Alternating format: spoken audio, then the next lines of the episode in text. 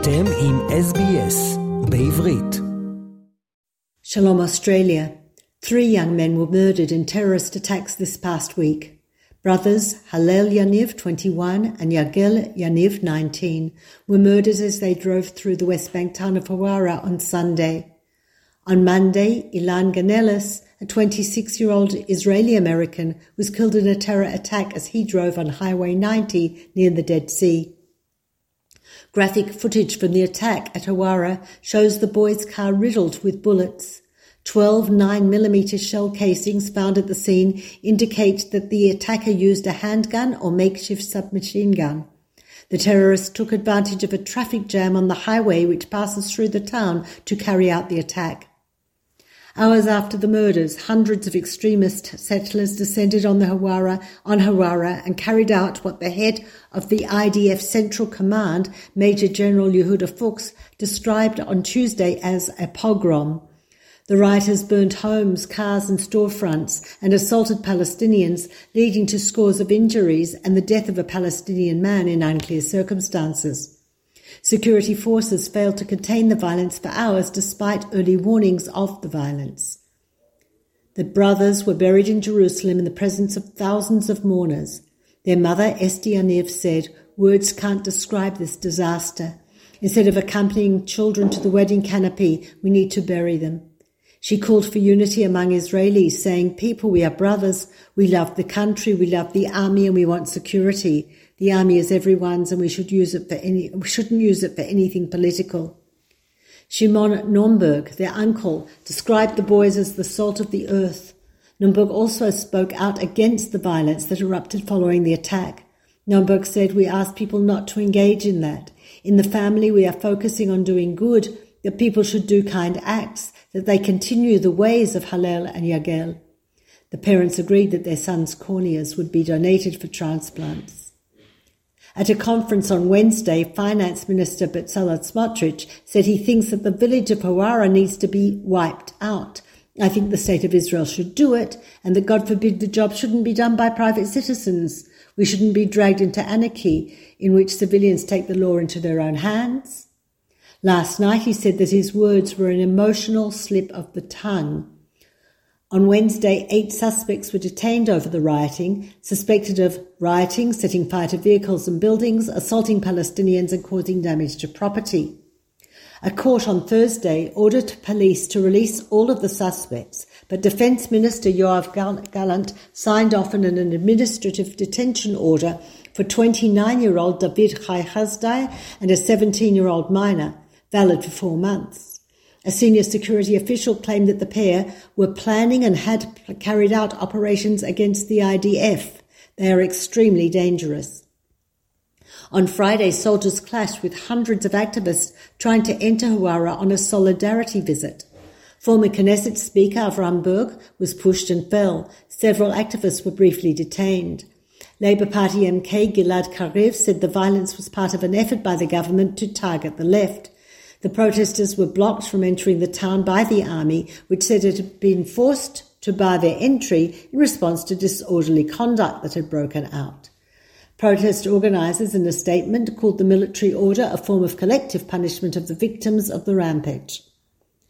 Israelis do- donated over 1 million shekel within less than 24 hours in a crowdsourcing campaign for victims of the violence in Hawara.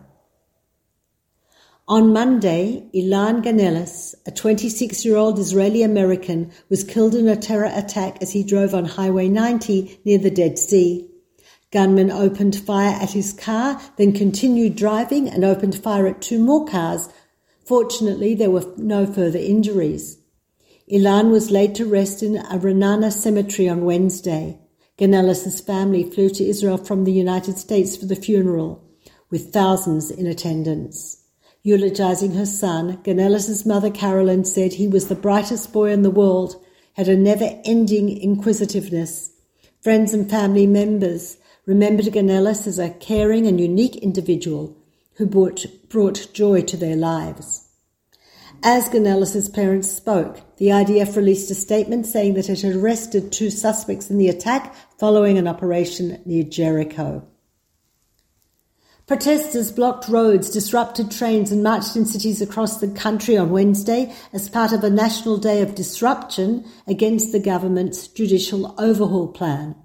Early in the morning, a group of military reservists blocked Route 1 near Sha'ar HaGai. Police arrived soon after to clear the protesters and open the road to traffic. Later, police used stun grenades and water cannons against demonstrators in Tel Aviv at least 50 people were arrested in the nationwide demonstrations. 11 people were injured in clashes with police and arrived in hospitals for treatment for various bruises, cuts, and burns.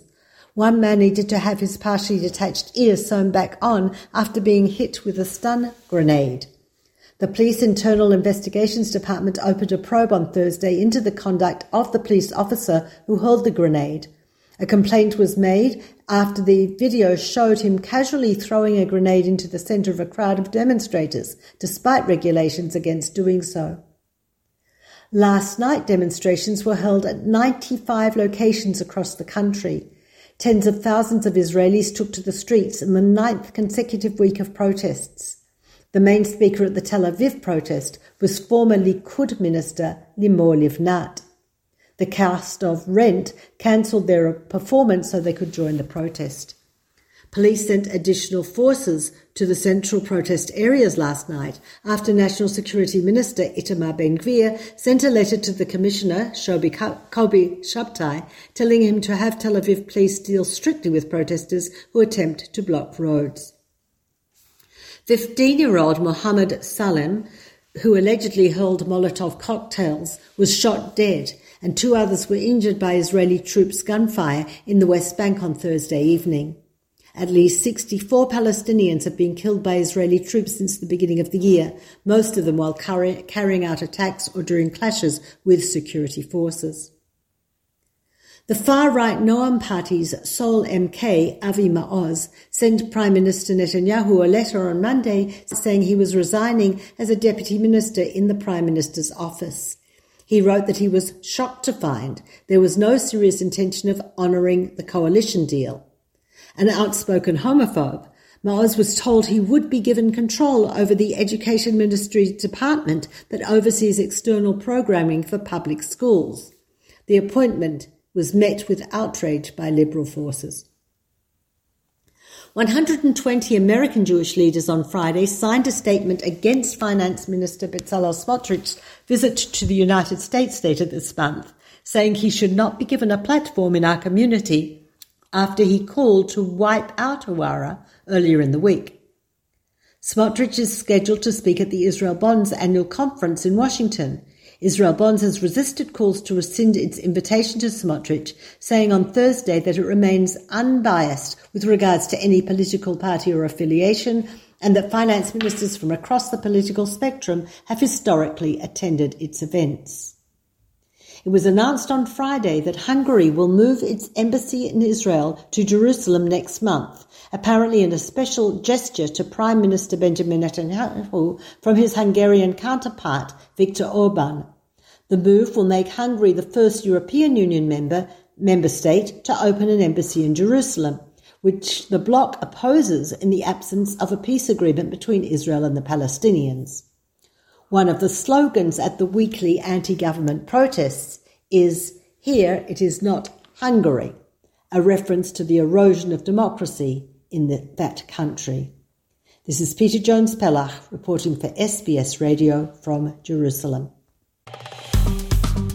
עקבו אחרינו והפיצו אותנו דרך דף הפייסבוק שלנו.